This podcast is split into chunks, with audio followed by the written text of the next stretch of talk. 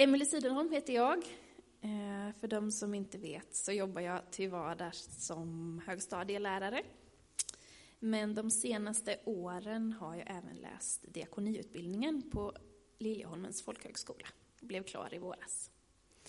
Jag är medlem i den här församlingen sedan ja, drygt två år tillbaka nu. Mm. Ja, under hösten har vi haft temat Mötet med Jesus.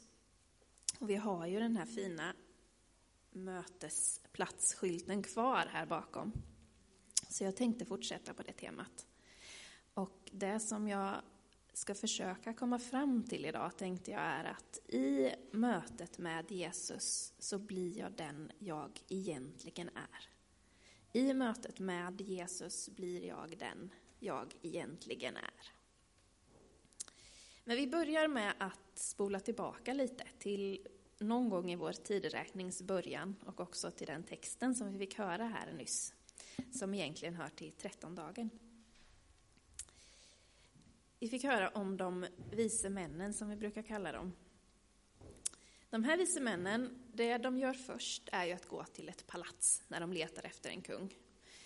Och det kan man väl säga är något som kanske förväntas av dem. Som en, de här är ju också rika män. I vissa länder kallar man dem för de tre kungarna. Och då kanske inte det första man gör är att gå till ett stall för att leta. Det skulle ju vara lite utanför ens egna ramar. Sådär. Men sen så blir de skickade vidare och då går ju stjärnan framför dem. De får följa Guds tecken. Och då hamnar de i stallet. Och där så möter de det djupt mänskliga. De här rika och mäktiga männen böjer sig för den störste. De får släppa sina roller, de här rollerna som vi människor har lagt på dem. Och istället blir de de de egentligen är. De vi alla är, människor som någonstans längtar efter en relation till Gud. När vi hört om mötet med Jesus här under hösten så har Sakaios nämnts. Men jag vill ändå prata om honom idag. För jag tycker att hans berättelse visar så tydligt på det här att man i mötet med Jesus blir den man egentligen är. Så vi ska börja med att läsa från Lukas 19. Vers 1-10 om Sakaios. Här står det han först, det är ju Jesus då Så. Jesus kom in i Jeriko och gick genom staden. Där fanns en man som hette Sakaios och han hade hand om tullen och var rik. Han ville gärna se vem denne Jesus var, men kunde inte för folkmassan, för han var liten till växten. Han sprang i förväg och klättrade upp i en sykomor för att kunna se honom eftersom han skulle gå förbi där. När Jesus kom dit såg han upp mot honom och sade Skynda dig ner, Sakaios, idag ska jag gästa ditt hem. Sakaios skyndade sig ner och tog emot honom med glädje. Alla som såg det mumlade förargat, han har tagit in hos en syndare. Men Sakaios ställde sig upp och sa till Herren, Hälften av vad jag äger, Herre, ska jag ge åt de fattiga. Och har jag pressat ut pengar av någon ska jag betala igen det fyrdubbelt. Jesus sade till honom, idag har räddningen nått detta hus. Han är också en son till Abraham. Och Människosonen har kommit för att söka efter det som var förlorat och rädda det.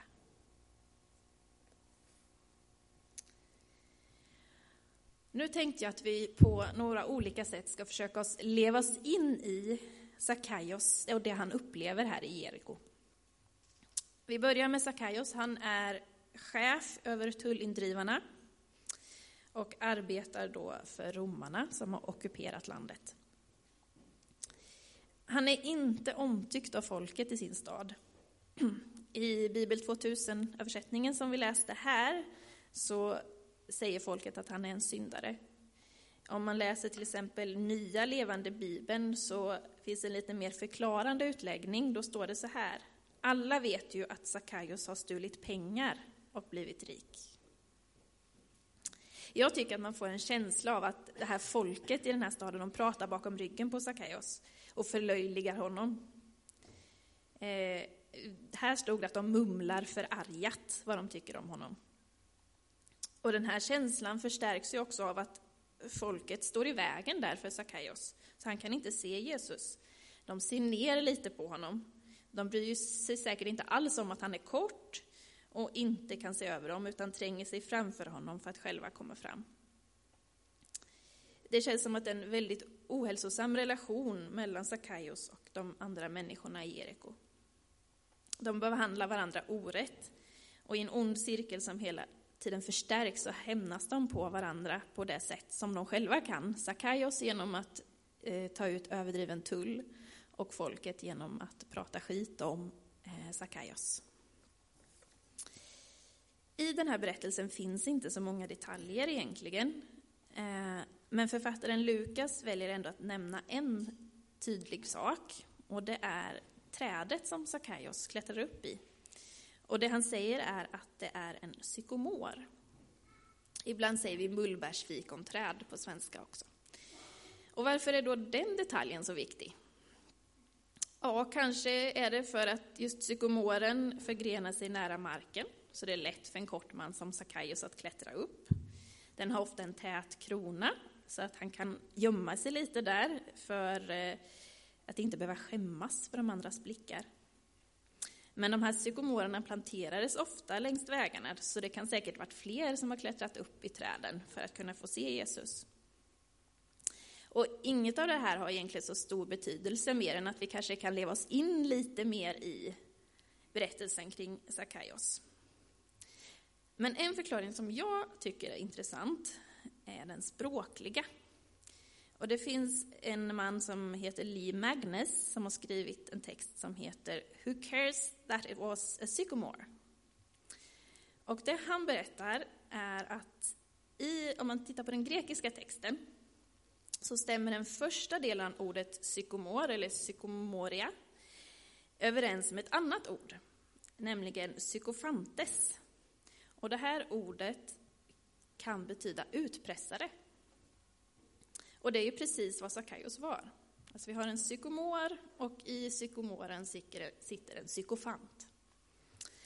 Eh, så författaren kan alltså med flit ha belyst vilken typ av träd det var för att förstärka vad Sackaios var för typ av person. Och det som då också blir intressant är betydelsen av namnet Sackaios. En betydelse kan vara rättfärdig. Och det här är ju alltså raka motsatsen mot det som Sackaios faktiskt var.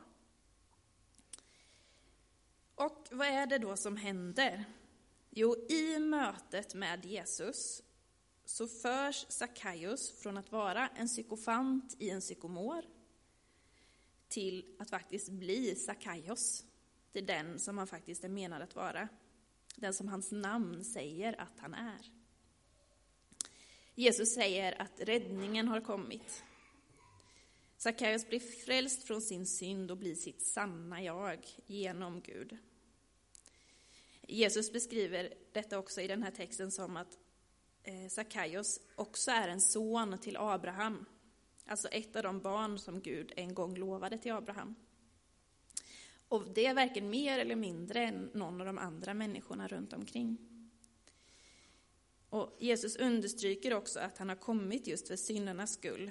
Gud vill rädda och befria oss från ondska och död till kärlek och liv genom Jesus Kristus, oavsett vilka våra synder är. En annan sak som är intressant med psykomoren, eller det här mullbärsfikonträdet, eh, är att det dyker upp på andra ställen i Bibeln också. Till exempel i Amos. Eh, profeten Amos, han varnar de rika som skor sig på andras bekostnad.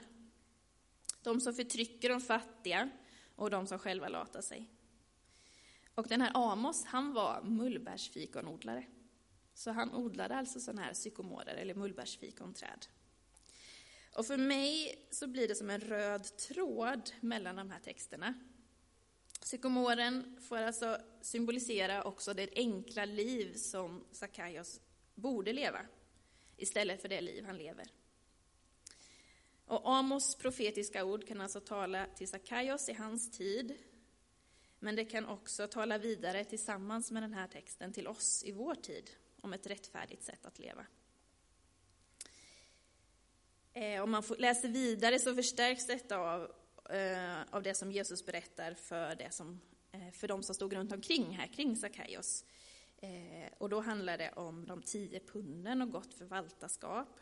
Och precis innan i texten så finns också berättelsen om den rike mannen, där Jesus säger att det är lättare för en kamel att komma igenom ett nålsöga än för en rik att komma in i Guds rike.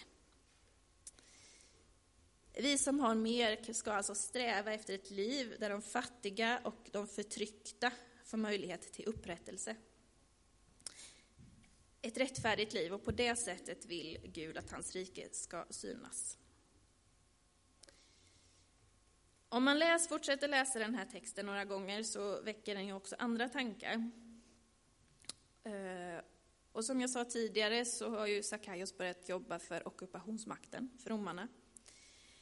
Och han hamnar därför i något mellanland kan man säga, för han är ju inte längre omtyckt av sitt eget folk.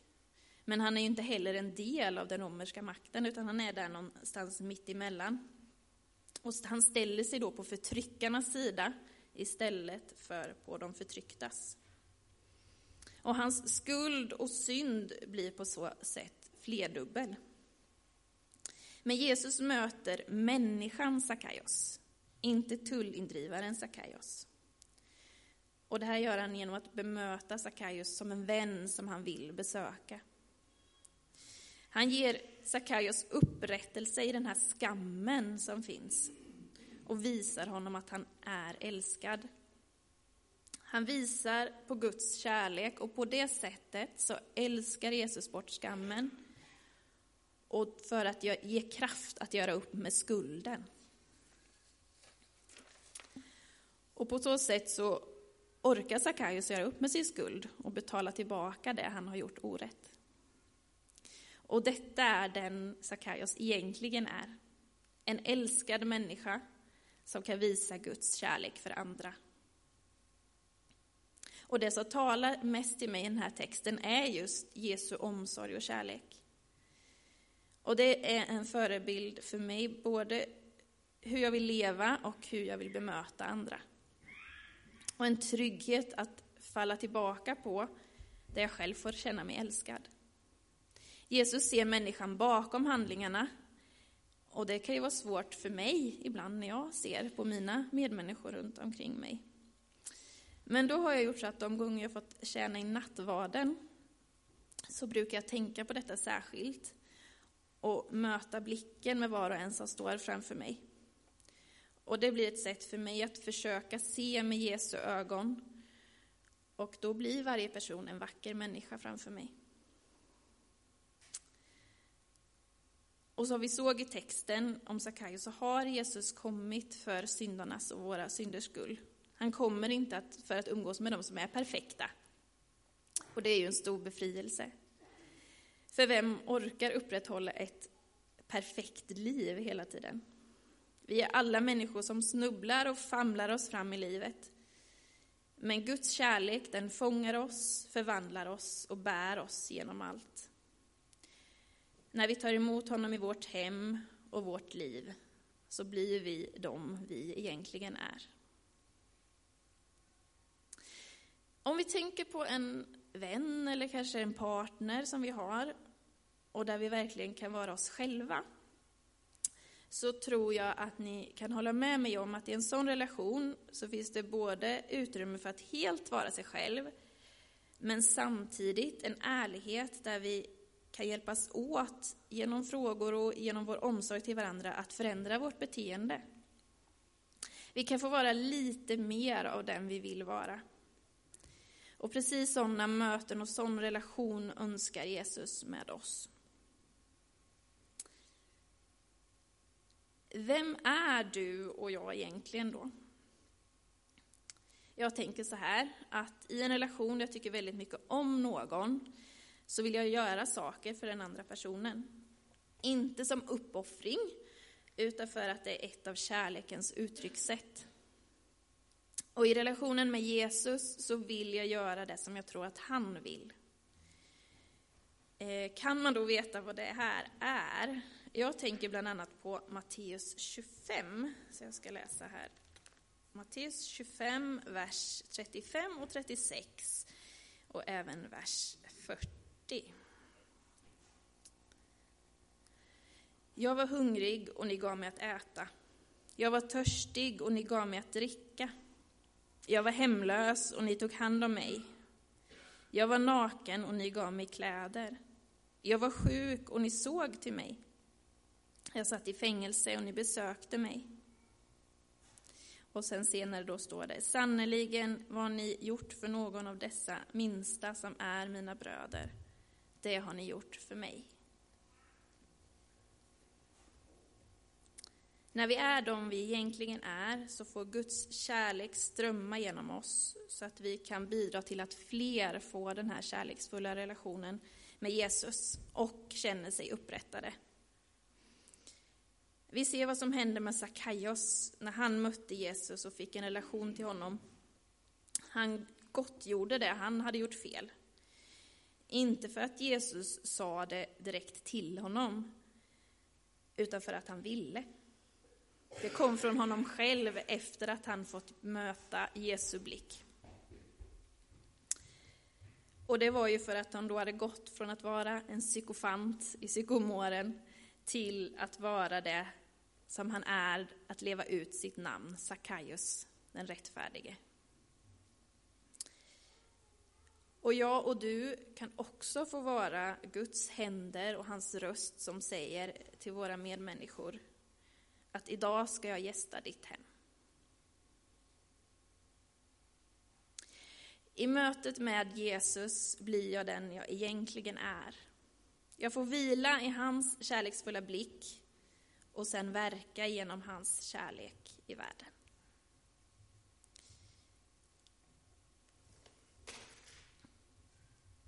Som avslutning skulle jag vilja dela en bön med er, eller man kanske kan kalla det som en liten eh, meditation, kristen meditation. Eh, så även om vi har mött Jesus kan det ibland kännas som att vi lever väldigt långt bort från den här kärleksfulla blicken. Och när det händer så tycker jag att den här bönen hjälper mig väldigt mycket. Eh, jag tycker att det är lättast att blunda, men ni gör ju såklart som ni vill.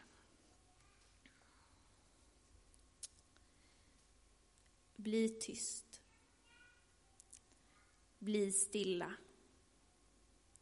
Ensam. Tom inför din Gud. Säg ingenting. Be inte om någonting. Var tyst. Var stilla. Låt din Gud se på dig. Det är allt. Han vet. Han förstår. Han älskar dig med en enorm kärlek. Han vill bara se på dig med sin kärlek. Tyst. Förbliv stilla. Låt din Gud älska dig.